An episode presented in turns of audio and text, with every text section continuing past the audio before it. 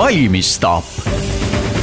tervist, head valimisstaabi kuulajad, mina olen Joosep Tiks Eesti Ekspressist ja täna on minuga Tõnis Mölder, kes tuleb Keskerakonnast ja on kokku pannud programmi. vastab tõele? jaa, Keskerakonna valimisplatvorm on koos. ja erinevalt mitmetest teistest erakondadest te olete ikkagi noh, ütleme nüüd juba nimekirja kokku saanud, kes kandidaatidena lähevad valimistele, te olete saanud kokku valimisprogrammi mm,, küsiks sellise asja võib-olla, mida nagunii hakatakse üks hetk küsima, et kui kallis see valimisprogramm on, olete need lubadused kokku ka löönud? Eh, ei, kindlasti me ei ole niimoodi algusest lõpuni arvutanud, aga me oleme läbi arvutanud teatud suured lubadused, mille puhul me näeme seda, et on eelarve rida nii-öelda vaja taha saada, kui me tahame seda kompromissi või siis eh, kokkulepet koalitsioonis saavutada, nii et jah, need me oleme läbi arvutanud. võtame näiteks pensionid tuhat eurot, et palju see maksab? Eh, esiteks me oleme jaotanud ära selle nelja aasta peale koos indekseerimisega me räägime sellest, et iga aasta tuleb tõsta kuskil viiskümmend eurot pensioni baasosa ja juurde, liita sinna juurde indekseerimine. see tähendab seda, et sellise tempoga, nagu täna on ette antud, oleks pension tuhat eurot kuskil kaks tuhat kakskümmend kuus, kaks tuhat kakskümmend seitse juba olemas.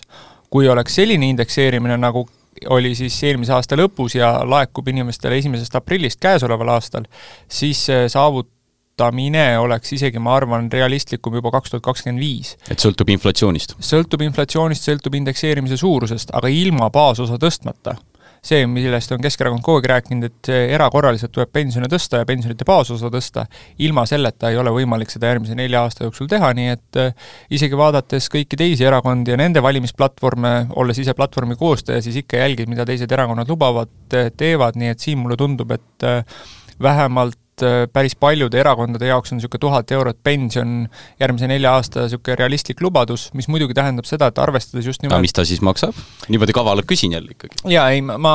noh, ütleme niimoodi, et äh, kui me vaatame seda, et et äh, seda täismaksumust on väga raske ette prognoosida.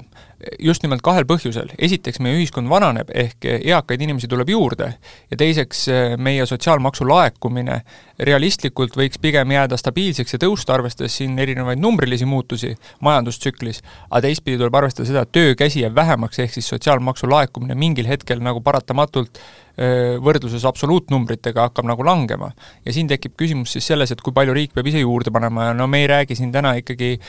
kümnetest miljonitest, me räägime sadadest miljonitest, kui me tahame tõsta pensionite baasosa järgmised neli aastat igal aastal viiskümmend eurot, et noh, siin on naljahambad ju öelnud, et kui Keskerakond oli valitsuses, siis tõsteti seda pensionite baasosa mingil aastal seitse eurot, mingil aastal kakskümmend eurot, mingil aastal natuke rohkem, et äh, ja need olid eelarve mõttes väga kulukad, samal ajal me näeme seda, et pensionid on jõudnud üle seitsmesaja euro, kui me võrdleme nelja aasta taguse tsükliga, siis need eesmärgid, mis toona lubati, sada eurot pensionitele juurde, need on tegelikult ju täna täidetud. ja mul on tunne, et hästi palju on poliitikas mindud seda teed nüüd, et et ähm, lubatakse ja antakse kõigile, see asemel, et vaadata niimoodi ähm, ükshaaval, et kellel on vaja ja kellel ei ole vaja, et samamoodi näiteks pensionitega ma mõtlen, et võib-olla mingit muud varianti oleks targem rakendada, kus inimestele, kellel ei ole kodu, antakse seda või mingeid muid toetused, et niimoodi ühe puuga kõigile lüüa, mm, kas kulukaks ei lähe natukene, mingit raha tundub, et läheb raisku mm,? Jaa, siin, võiks ju tsiteerida Kaja Kallast, et temal ei lähe kunagi ühtegi toetust vaja, sest temal isa ja ema saavad ise hakkama. aga, aga ei, pigem mina ikkagi ütleksin see, et siin on nagu kaks eh, olulist aspekti ühe puhul, kui me räägime tõesti konkreetsetest toetustest, mis on mõeldud inimese nii-öelda hakkama saamiseks, siis siin tuleks vaadata tõesti sihtrühma ja seda, et kas tõesti inimesel on seda toetust vaja ja kas see on see õige toetus, mida ta vajab. teisel puhul on see, et kui me räägime konkreetselt sellistest ühiskonna laialdasematest asjadest, noh, pensionid kahtlemata on seda, siis pensionite puhul sellise erisuse tegemine noh, ei ole põhjendatud ja siin tuleb ka nagu vaadata riigi puhul, riigi puhul seda, et ta oleks ühetaoline ja, ja lihtsasti rakendatav. Et kui me hakkame igasuguseid erisusi tegema, siis see tegelikult eh, noh, niimoodi paberi peal võib tunduda tore, et, et teeme erisused, aga teistpidi see tähendab erinevate IT-programmide rakendamist, see tähendab äh, halduskoormuse tõstmist seeläbi, et meil on mingid inimesed, kes hakkavad siis neid erinevaid taotlusi üle vaatama ja nii edasi ja nii edasi, et ma ei, ma näiteks ei kujuta ette, et me oleks lastetoetuste puhul täna teinud mingisuguse erisuse äh, perede sissetuleku lõikes veel kord, ma arvan, et kõik lapsed Eesti riigis võiksid olla võrdselt äh, lastetoetuse saajad ja nii esimene kui teine, et see on kindlasti üks märkus, mida Keskerakond läheb järgmises valimistsüklis ära korrastama. aga veel kord, ma arvan, et pensionite puhul ei saa selliseid erisusi teha, lastetoetuse puhul ei saa selliseid erisusi teha, aga näiteks mingisugused sotsiaaltoetused vastavalt inimese siis äh, kas töövõimele või siis sissetulekule, seal nende erisuste tegemine on põhjendatud. kas kõikide nende toetustega seda riski ei ole, et me hakkame üle oma võime elama, kus, kust see raha kõik tulema peaks? ma arvan, et äh, ükstakõik, kes on järgmises valitsuses, siis äh, mingit maksu Eesti riigis kindlasti tõstetakse. sellisel kujul, et me ühtegi maksumuudatust enam ei tee, ei ole lihtsalt võimalik äh, neid inimeste ootusi, mis täna inimestel riigil on, enam täita. Keskerakonna lahendus on astmeline tulumaks seal? Keskerakonna lahendus on astmeline tulumaks, aga ma arvan, et me peaks vaatama tegelikult üle kogu meie maksusüsteemi. mis seal veel oleks võtta? No, vara, varamaksud, sotsiaalmaks. Jah, ei, Keskerakonna programmis neid sees ei ole, sellepärast et äh, nii nagu meil ka erakonna sees, ühes kohas me oleme ühel arvamusel, mis puudutab astmelist tulumaksu, siin me näeme seda, et ühiskonnas enam teenivad inimesed võiksid rohkem panustada, tegelikult me näeme ka seda, et inimesed ise oleksid valmis seda tegema, nii et äh, me peaksime liikuma sellisele noh, euroopalikule maksusüsteemile, et täna ülejäänud Euroopa teeb seda, Eesti on üks väheseid, kes ei tee seda teine, mida mina isiklikult arvan, aga aga veel kord, Keskerakond seda tervikuna ei toeta, on ma arvan, automaks, mida võiks tõesti rakendada eelkõige just nimelt keskkonnalisest vaatest, me räägime sellest, et auto võimsust ja auto nii-öelda jalajälge tuleb maksustada, aga ma olen nõus, et siin on, on teatud ju nii-öelda risk sees, et me läheme maksustama täna maal elavaid inimesi, kes võib-olla ongi ainuke transpordivahelt auto ja see auto ei ole võib-olla kindlasti kaasaegne uus elektriauto, vaid see on siis, ma ei tea, üheksakümnendate keskel soetatud auto, mille CO2 jalajälg on noh, oluliselt suurem kui täna uutel autodel ja see ei ole mitte selle pere valik seetõttu, et ta eelistab ühte autot teisele, vaid see on puhtalt noh, nende leibkondlik sissetulek, mille puhul ma saan aru, et see oli see vaidlus ka programmil, et käisite välja idee ikkagi automaks teha ja siis toodi maainimene jälle argumendiks? meil olid väga paljud maksud laua peal, alates sellest, et rakendada automaksu, kinnisvaramaksu, muuta ära maamaksusüsteem ja, ja asendadagi see just nimelt kinnisvaramaksuga, et seda kinnisvara kihistumist Eestis vähendada. me näeme ju tegelikult seda, kus täna inimestel on väga palju kinnisvara, aga me ei maksusta seda kuidagi eriti. samal ajal me maksustame maad ja maa puhul võib olla see selles mõttes ju väga erinev, et no kodualune on tasuta, ülejäänud on ju ikkagi maamaksuga. jaa, jaa, aga noh, ma mõtlen siinkohal seda, et näiteks äh, meil on kaks tuhande viiesaja ruudust krunti, ühe peal on villa, teise peal pole mitte midagi, maksustame ühesuguse printsiibiga. tegelikult võiks ju olla vastupidi, et me vaatame kõigepealt ka seda, et mis on see kinnisvara selle maatüki peal. et üks asi ongi see, et me, see arutelu oli meil väga pikk ja tõsine, et just nimelt minna siis nii-öelda maamaksu asendama kinnisvaramaksuga, aga veel kord, ma arvan, et seda maksudebatti tuleb pidada nagu selles mõttes natuke laialdasemalt, et äh,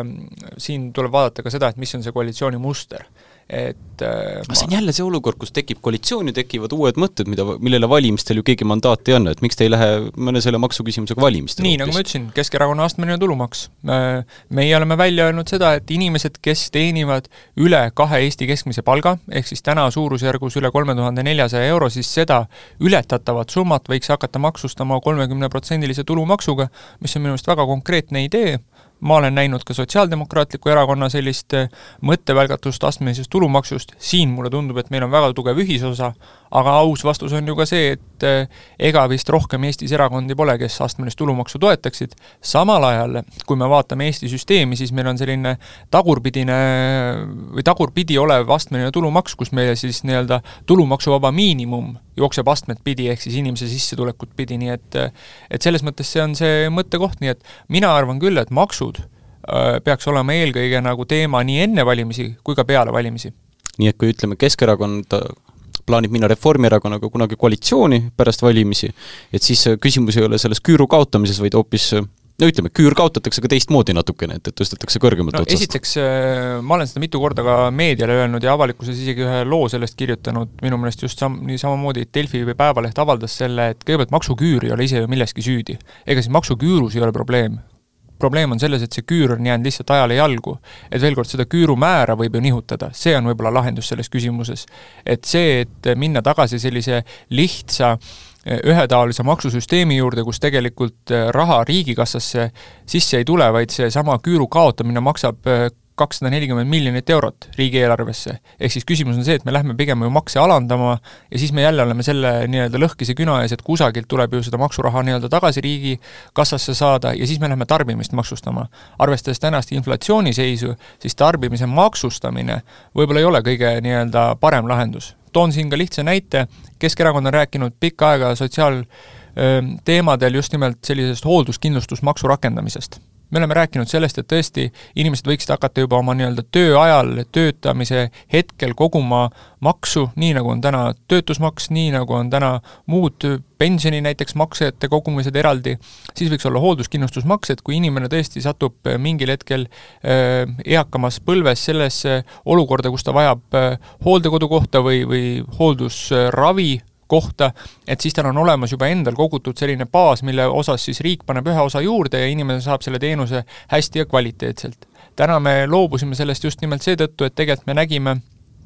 kuidas ajas on see süsteem selles mõttes läinud äh, natuke teistmoodi, me nägime seda, et uus valitsuskoalitsioon pani sinna ju lisaraha juurde, nelikümmend miljonit, küll tulevikuks väga suurt katet ei ole, et nüüd on küsimus see, et me tahaks kõigepealt ära näha, et kas ja kuidas see süsteem tööle hakkab, et tegelikult me näeme seda, et jah, sa võid sinna ju raha juurde panna, aga kui sa mingeid standardeid ja piirhindasid ei kehtesta, siis piltlikult öeldes ega see teenus kättesaadavamaks ei lähe, et et pool rehkendust see on mitte isegi pool rehkendust, ma ütleks, et see on vähem, sellepärast et noh, nii nagu sa selle raha sinna juurde panid, nii tulid kõikidele üle Eesti kirjad koju, et vabandust, hooldekodukoha hind tõusis seal viisteist või kakskümmend protsenti, et eh, ei ole see minu leibkonnast mööda läinud või minu lähedastest mööda läinud, ega ma arvan, et ka teistest, selles mõttes, et veel kord, eh, ühtpidi see on põhjendatud, sest veel kord, palgakasv tõuseb, elektrihinnad on tõusnud, ravimite hinnad on tõusnud, see on väga põhjendatud hinnatõus, aga teistpidi, ega siis see ju ei anna seda efekti, mida me tegelikult lootsime, lootsime, et hooldekodukoht läheb kättesaadavamaks, sest meil on täna kuskil üheksa pool tuhat inimest, kes eh, tahaksid hooldekodukohta ja kes võib-olla vajaksid seda ka põhjendatult, aga kes kuidagi millegipärast sinna ei saa, nende lähedased hooldavad neid, mis tähendab seda, et kuskil noh, mm, suurusjärk kümme tuhat inimest on meil täna tööjõuturult eemal seetõttu, et nad on kohustatud hooldama oma lähedasi. ja see ei ole mitte, ma arvan, majanduslikult hea ja efektiivne, sest veel kord, töökäsi majanduse mõttes on meil täna ju pigem puudu mis võiks olla selle valimiste põhiküsimuseks, et no natuke isegi räägin mm. pikemalt, et kogu aeg aetakse taga, et mis on valimiste põhiküsimus, mis on valimiste põhiküsimus. ja ma, ma isiklikult arvan, et tegelikult Keskerakonna programm alguses sõnastab selle täitsa, täitsa nagu välja, samamoodi eile Siim Pohlak käis siin äh, EKRE-st valimisstaabis ja rääkis ka sellest, et äh, kõrge inflatsioon ja majandus, majanduse jahtumine, et need on nagu need kaks märksõna, mis võib-olla kirjeldaksid äh, kõige paremini sellist lähima aasta väljakutset ja, ja kõige suuremat ampsu, mis erakondadel tuleb lahendada. et ka, kas olete nõus, et see on võib-olla selline põhiline küsimus, millega me peaksime tegelema, või on see pigem selline mõõduv nähtus? Ma arvan, nende valimiste põhiküsimus on inimeste toimetulek ja ma arvan, et see, mida te kirjeldasite, on, on seesama asi. kuidas tuleb meie, kuidas tulevad selles kriisis meie ettevõtjad toime, kuidas tu-, säilivad inimestele töökohad, kuidas me aitame neid inimesi, kes on tänaseks töö kaotanud või kes enam ei tule leibkonna eelarve mõttes ots otsaga kokku, see inflatsioon on söönud ära väga suure osa nende nii-öelda sissetulekutest, see on see probleem, millega minu meelest me peaksime täna tegelema, väga jõuliselt tegelema ja vaatama see, neid lahendusi just nimelt nelja aasta või ka pikemat aja perspektiivis teine pool on kindlasti julgeolek aga julgeoleku koha no, peal julgeolekusse jõuame, et selles, mul on tunne, et seal on erakondadel üpriski konsensus. aga jah, kus ma tahtsin ka oma lause teise poolega jõuda, on see, et mulle tundub, et äh, mida ka Keskerakond oma valimisplatvormis välja käis, et erakondadeülene selline julgeoleku ma ei tea siis, manifest või, või kokkulepe sõlmida. ja ma arvan, et tegelikult seda teed äh, ka minnakse, sest me vaatame, et paljud erakonnad on selle oma programmi sisse kirjutanud mm. ja tegelikult seda erisust Äh, nii-öelda julgeoleku aspektist täna erakondade vahel ei ole, nii et seal pigem see on teema, millest tuleb rääkida, igapäevaselt rääkida, aga seal ei, parteid ei eristu. parteid eristuvad kindlasti selles, mis puudutab inimeste toimetulekut ja siin on jah, Keskerakond seda meelt, et, et see peaks olema valimiste põhiteema ja see peaks olema just nimelt see sõnum, et mida siis erakonnad konkreetselt inimestele pakuvad, ka ettevõtetele pakuvad, kuidas sellest toimetulek siis, jah? Eh, jah, et kuidas sellest keerulisest olukorrast välja tulla. Aga kas see vastus on siis toetused või, või mis aitab inimesel inflatsiooniga toime tulla? seda enam, et kui sul on inflatsioon ja kui sul on äh, majanduslangus, mis see ilus termin selle kohta oli, stagflat-, stagflatsioon, on ju, et, et seda ei lahenda päris toetuste andmisega? Eh, no kõigepealt äh, tulekahju ma arvan, et saab kustutada ikkagi sellega, et tõesti inimestele anda toetusi, kellel on väga suur kriis käes, me räägime nendest inimestest, kes on täna töö kaotanud või kes ei tule enam ots otsaga kokku. see lahendus, et me ütleme inimestele, et minge Toidupanga järjekorda ja küll te sealt abi saate, et see ei ole kindlasti, ma arvan, kahekümne esimene sajand ja ja Eesti riigile nii-öelda noh, sobilik teine pool on kindlasti see, et me peame kõigepealt vaatama seda ettevõtluskeskkonda. järelikult äh, ega siis äh, majanduskriis ei ole kuidagi ainult Eesti riigi piiriga nii-öelda piirnev probleem, see on ikkagi laialdasem probleem ja siin me peame vaatama järelikult üle selle, et kuidas tulla oma ettevõtetele appi, et kui me võrdleme näiteks seda energiakriisi äh, olukorda ja erinevate riikide abi, oma ettevõtetele või ettevõtluskeskkonnale just nimelt e eelkõige kompensatsiooniks kõrgetele elektrihindadele, aga teistpidi ka investeeringuteks selleks, et minnagi üle siis roheenergiale, säästlikemale lahendustele no teil on see miljardi eurone abipakett, on ju. ja et kuhu ma tahangi jõuda, et kui me võrdleme Eestit näiteks äh, Läti ja Leeduga, siis meie oleme toetanud oma ettevõtjaid ainult null koma viie protsendiga SKP-st, samal ajal äh, Läti, Leedu on see toetus äh, kolm, neli, kuus korda suurem, Saksamaal on see üle kuue protsendi SKP-st, nii et veel kord, siin tulevad väga suured käärid sisse, aga samal ajal majanduse mõttes me ju konkureerime nende samade ettevõtetega sellesama turuga, kui me räägime eksportturust. ja siinkohal siis ongi ju see probleem, et meie ei suuda enam olla konkurentsivõimelised, kui teised riigid on tulnud oma ettevõtetele nii suures osas appi. noh, muidugi inf-, seesama sõna stagflatsioon, et ma saan aru, et see on selline nokk kinni, saba lahti, et sa pead ühe asjaga enne tegelema hakkama, kui on kõrge inflatsioon, tuleks see kinni panna, kui on äh, majanduslangus, tuleks see kinni panna, sa pead tegema oma valiku, sest kui sa raha süstid süsteemi tagasi, siis raha pakkumine suureneb ja inflatsioon jällegi sööb kõik toetused ära. jaa, aga me peame ka vaatama seda poolt, et äh, täna äh, nii ehitussektoris kui ka tegelikult te-, infrastruktuuri ehitussektoris kukuvad riiklikud tellimused, aga ka eratellimused väga jõuliselt ära. ja pigem me näeme seal seda, et kui riik siia erakorraliselt erakorraliselt nii-öelda mingisugust meedet sisse ei pane, siis ma arvan, et aasta aja pärast on meie ehitussektoris väga, väga suur nii-öelda töötuse määr, aga teistpidi meie ka tee-ehitussektor kukub kokku, nii et ma arvan, et see on küll koht, kuhu isegi riik võiks võtta laenu, investeerida, sest see laen ja investeering tuleb tegelikult, ma arvan, viie või kümne aastaga tege-, meie majanduskasvust juba tagasi riigieelarvesse. nii et see miljardi-eurone pakett, mille Keskerakond on välja käinud, see on suunatud eelkõige just nimelt taristuehitusse, riigi nii-öelda ehitussektori tellimusele, see on suunatud meie ettevõtete abistamisele, aga ka sellisesse innovatsiooni ja rohepoliitikasse, eelkõige Ida-Virumaal, nii et äh, me näeme seda, et kui õiglase ülemineku fond annab nii-öelda päris suure mahu raha eh, Ida-Virumaale, siis riik omalt poolt sinna midagi juurde ei pane ja vaadates tänast jällegi sellist hindade kasvu, siis ilma riigi toeta seda heas mõttes sellist uut innovatsiooni Ida-Virumaale ei too, nii et see on üks osa ka sellest miljardisest abipaketist. Ja kui on siin küsimus eh, ka olnud sellest, et kust see raha tuleb, siis veel kord, me oleme ka öelnud, et eh, selle tarbeks me oleme valmis võtma riigi pool laenu, et veel kord anda just nimelt majandusele sellist uut käiku või uut suunda? me oleme nii palju rahast rääkinud, küsiks natukene ka keelest. nimelt, et kui Keskerakond saab järgmisesse valitsusse, et praeguse valitsuse plaan kõik koolid eestikeelseks muuta, et kas sellele tõmmatakse pidurit või jätkatakse samas vaimus? seda seadust Keskerakond ümber vaatama ei lähe. küll aga me oleme seda meelt, et sellises äh, äh, poliitpropaganda tuules teha sellist suurt reformi ilma sisuta, seda ma õigeks ei pea. aga mis sisu te juurde paneksite sinna? Esiteks on vaja anda juurde õpetajaid. kvaliteet ei tohi langeda mitte üheski Eesti nurgas. teine pool on see, et ega siis, kui õpetajaid ei ole reaalselt kusagilt võtta, siis ei saa ju langeda inimeste hariduskvaliteet ega, ega see õpikeskkond, et see ei ole ju lahendus, et me toome kõrgema palgaga Võrust, Valgast, Paidest kõik õpetajad Ida-Virumaale, maksame neile ühe koma viiese koefitsiendiga palka ja siis tekib samasugune probleem ju Võrus, Valgas ja Paides, et ne-, seal ei ole õpetajaid. ehk veel kord, see on nagu see Ehm, mõte, mida Keskerakond on mitu korda öelnud, et meil peab olema piisavalt õpetajaid, meil peab olema piisavalt kvaliteeti ja see üleminek peab olema sujuv, mitte selline nii-öelda noh, täna ikkagi väga selgelt enne valimisi tehtud poliitpropaganda. et ma arvan, et selle probleemi otsa ehk siis haridusliku probleemi otsa, kus meil ei ole piisavalt ei haridustöötajaid ega õppekvaliteeti, me satume alles kolme-nelja aasta pärast ja siis tõesti, ma arvan, need poliitikud, kes täna selle otsuse tegid, peaksid väga tõsiselt peeglisse vaatama. teine pool on see, mida Keskerakond on ka öelnud, et tõesti, kui on hariduslike erivajadustega lapsed, siis neil peab olema võimalus oma emakeeles eh, neid õpinguid jätkata, nii et siin teatud erisusi tuleks teha, aga veel kord see, et eesti keele õpe peaks olema kõikides kooliastmetes väga tugev ja see, kui eh, õpilane lõpetab eh, kooli, siis tema eesti keele tase peab olema väga kvaliteetne, siis selle eest kindlasti Keskerakond seisab. Natuke tahan ikka rahast rääkida, et laenuportfell, kas Eesti peaks näiteks Keskerakond saab valitsusse, saab rohelise tule kõiki oma lubadusi teostama hakata, kas Eesti peaks laenu võtma, et need lubadused teoks teha? Eesti võiks võtta laenu. mina ei ole selle vastu küll, et Eesti ei võiks laenu võtta, et pigem Eesti võib laenu võtta, küsimus on, et mille tarbeks. mille tarbeks siis? nii nagu ma ütlesin, esiteks majanduse elavdamiseks, teiseks ma arvan, infrastruktuuri, taristu väljaehitamiseks ja kolmas on see, et vaadata üle meie transpordivõrk, sealhulgas äh, rongid, bussid, äh, ka meie võib-olla laevatransport siseriiklikult, need on kõik meetmed, mis aitavad õhtu lõpuks ka majandust elavdada. ja siin me näeme seda, et see ei ole laenuraha, mis tuleb kuidagi tulevaste põlvede arvelt, vaid see on laenuraha, mis on võimalik äh,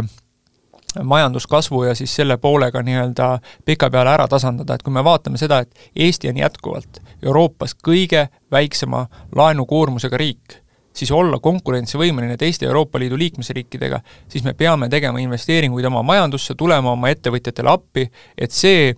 noh, ütleme nii, Reformierakonna käekiri, mis on üheksakümnendatest alates, et ettevõtjad peavad ise appi saama, hakkama saama ja riik neid kuidagi aidata ei tohi, sest muidu see on juba kuidagi konkurentsieelise loomine või, või vabaturumajanduse solkimine, siis ma sellega küll nõus ei ole, et see olukord on viimase noh, kümne aastaga, viimase viie aastaga eriti väga selgelt muutunud, koroonakriisis tulid, tuli riik ettevõtjatele appi ja me tegelikult nägime seda, kuidas meie Eestil majand... kreekastumise ohtu ei ole siis või? see, et iga kui..., iga kuu läheb laenumakse kõrgemaks ja, ja, ja kui, kui, kui Eesti jõuaks kunagi Kreeka tasemele, see tähendaks piltlikult öeldes seda, et me järgmised äh, neli aastat ei koguks piltlikult öeldes riigi kaukasse mitte ühtegi senti ja laenaksime kogu riigieelarve kokku ja vaat siis võib-olla me jõuaksime sinna Kreekale järgi, et veel kord, meie laenukoormus SKP-sse on täna kuskil üle paarikümne protsendi ja pigem vähenemas tulevikus. kui me räägime Kreekast, siis me, siis see on ju selgelt üle paari, saja protsendi või isegi alla selle, vabandust, vist natukene, aga noh, see on ju kordades suurem vahe, nii et veel kord, kreekastumise ohtu kindlasti ei ole, et kui me oleme täna Euroopa Liidu parimad, siis see, et me mingil hetkel tõstame oma laenukoormust, ei, ei vähenda absoluutselt, ma arvan, isegi meie positsiooni seal tabeli tipus. Keskerakonna valijatest rääkides, et äh, ega need reitingud nüüd kõige paremaid numbreid ei näita, et kes äh, neid vaadanud on, no ütleme seal kolmas koht umbes praegu, kui võtta selle, et EKRE ja Reformierakond on ees ja Keskerakond on oma kunagise sellise esimese või teise koha positsiooni kaotanud, et ähm, kuhu need valijad kadusid, et kui ma vaatan kaarti, siis võib-olla EKRE-le. Äh, ja, ja küsin, te, ma usun, et Keskerakonnale siis küsimus on, kuidas nad EKRE-lt tagasi võita? Äh, esiteks ähm,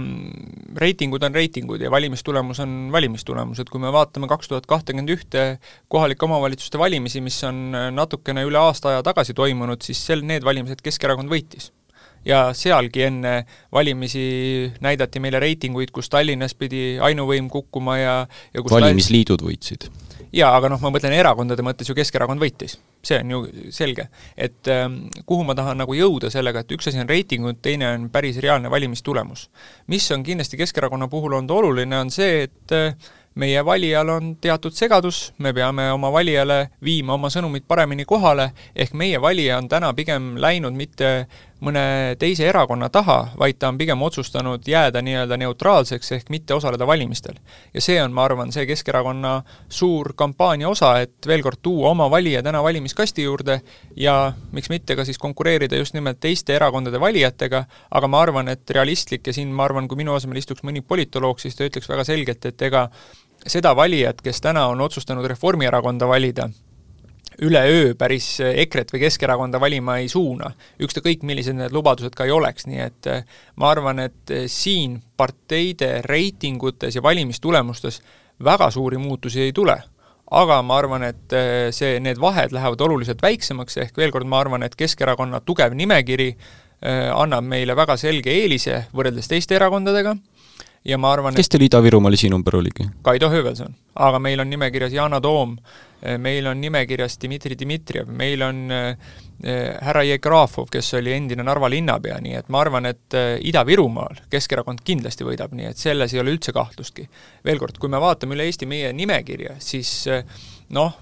olles ka ise teinud valimisplatvormide juures ka selliseid nimekirja võrdlusi, siis ma jätkuvalt arvan, et Keskerakonna nimekiri on üks tugevamaid ja see annab iga erakond ütleb nii? Ma arvan, et äh, iga erakond võibki nii öelda ja peabki nii ütlema, sest äh, see on ju selline motivatsioonisõõm nii erakonna sisse kui oma valijatele. aga ma arvan, et ka reaalselt, kui me vaatame valimistulemusi viienda märtsi õhtul, siis Keskerakonna tänane reiting ja valimistulemus, valimistulemus saab olema kindlasti oluliselt parem. mis te arvate, palju neid kohti tuleb Riigikogus või mis see siht on? nojah, kaks eri asja on ju, et üks ja. on eesmärk ja teine on arvamus üks on eesmärk, teine on arvamus ja, ja, ja väga raske on prognoosida seda, aga ma arvan, et eh, Keskerakond saavutab üle paarikümne koha parlamendis, millise tulemuse see õhtu lõpuks eh, annab, on, on täna väga raske öelda, ma arvan kindlasti see nii-öelda teine või esimene koht ei ole meist väga kaugel, nii nagu ma ütlesin, vaadates viimaseid reitinguid, siis pigem teise-kolmanda koha vahe läheb väiksemaks, esimene koht,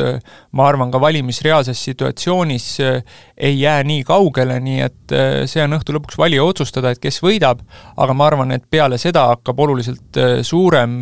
mäng Eesti poliitikas pihta, et mis on see kombinatsioon ja matemaatika, et kellega uut valitsuskoalitsiooni hakatakse moodustama. ja kas on mõni erakond, kellega Keskerakond eelistab ka mitte koalitsiooni teha või on see jälle umbes selline Jüri Rataslik vastus, et äh, mingi erakonna väärtustega me koostööd ei tee, aga pärast suva, et lähme ikka teeme koostööd? ma ei oska siin Jüri Ratase mõtteid selle, selle nurga alt kommenteerida, et Keskerakond on kogu aeg öelnud seda ja minu meelest ka Jüri Ratas on sellest põhimõttest lähtunud, et veel kord, kui meil on võimalik programmiliselt erakondadega kokku leppida, siis me oleme valmis kõikide Eesti erakondadega koostööd tegema ja siin on ka minu meelest mm, see selles mõttes põhjendatud, et veel kord, Ehm, siin ma natuke kaitsen isegi EKRE-t, eelkõige selle nurga alt, et kui täna on olemas kakskümmend viis protsenti valijaid, noh, okei okay,, kakskümmend protsenti valijaid, kes lähevad eh, neid valima, siis öelda neile kahekümne protsendile Eestimaa elanikest, kes käisid valimiskasti juures, et teate, järgmised neli aastat me teiega ei arvesta. see ei ole nagu õige, et veel kord, puhtalt sellepärast, et EKRE kui kui erakond ei meeldi, me lülitame välja kakskümmend protsenti Eesti elanikkonnast, siis, siis seda ma ei pea õigeks, sest Keskerakonnaga tehti niimoodi kuskil kaksteist aastat jutti, kus meie valimistulemus oli üle kahekümne viie protsendi iga kord Riigikogu valimistel, aga lihtsalt ühel erakonnal oli mugav meid nii-öelda tasa lülitada, aga sellega ei lülitatud tasa mitte erakonda, vaid eelkõige see valijaskond. Ja see on tegelikult probleem, mida ühiskonnas ei tohiks tekitada no kui võtame praegu üldse kõik erakonnad, kas on ka mõni eelistus Keskerakonnal, kellega võiks koalitsiooni teha, kes on see hea ja kõige lähedasem koalitsioonipartner? ma arvan, et äh, kui te täna niimoodi küsite, siis kõikide erakondadega, kellega Keskerakond viimase kuue aasta jooksul on valitsuskoalitsiooni teinud, on olnud äh, erinevatel hetkedel see koostöö väga hea. et äh, ainult sotsid on sealt väljast või? ei, ka ah, kuue, esimeses kuue, jah, mitte nelja. esimese nii-öelda Jüri Ratase valitsuse ajal oli just nimelt sotsid see hea koalitsioonipartner, nii et äh, veel kord, ma ei eelistaks ühte teisele aga kindlasti on erakondi, nii nagu ma ütlesin, maailmavaateliselt, maksuküsimustes on meil mingisugune ühisosa sotsidega, kui me räägime eakate toetamisest, sellisest maaelu arendamisest, siis siin on kindlasti suurem ühisosa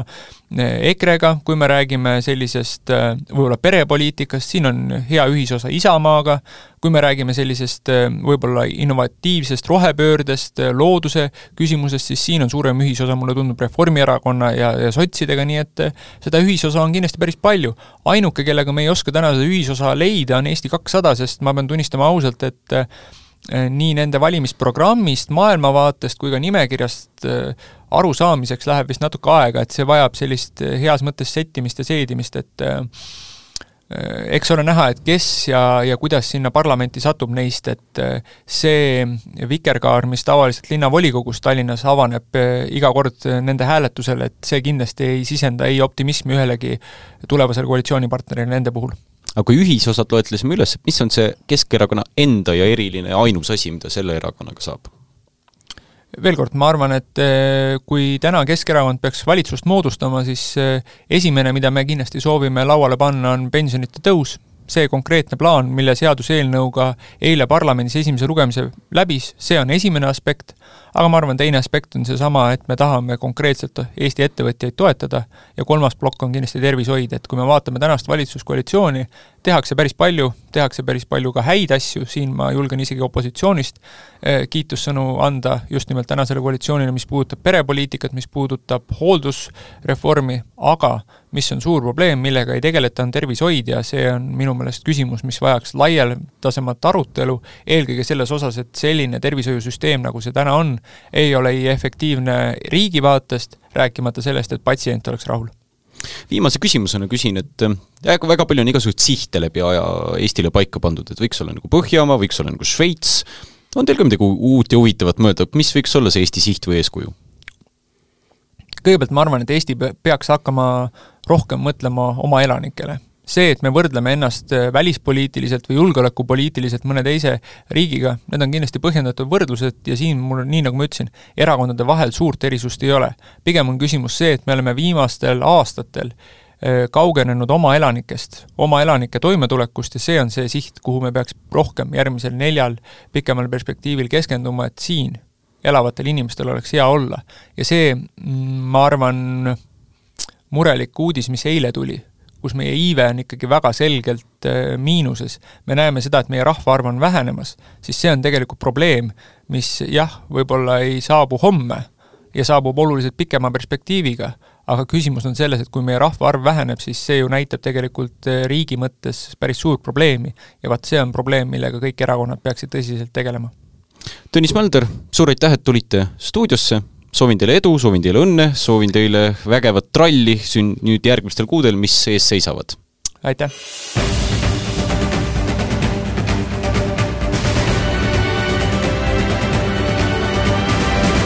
valmistav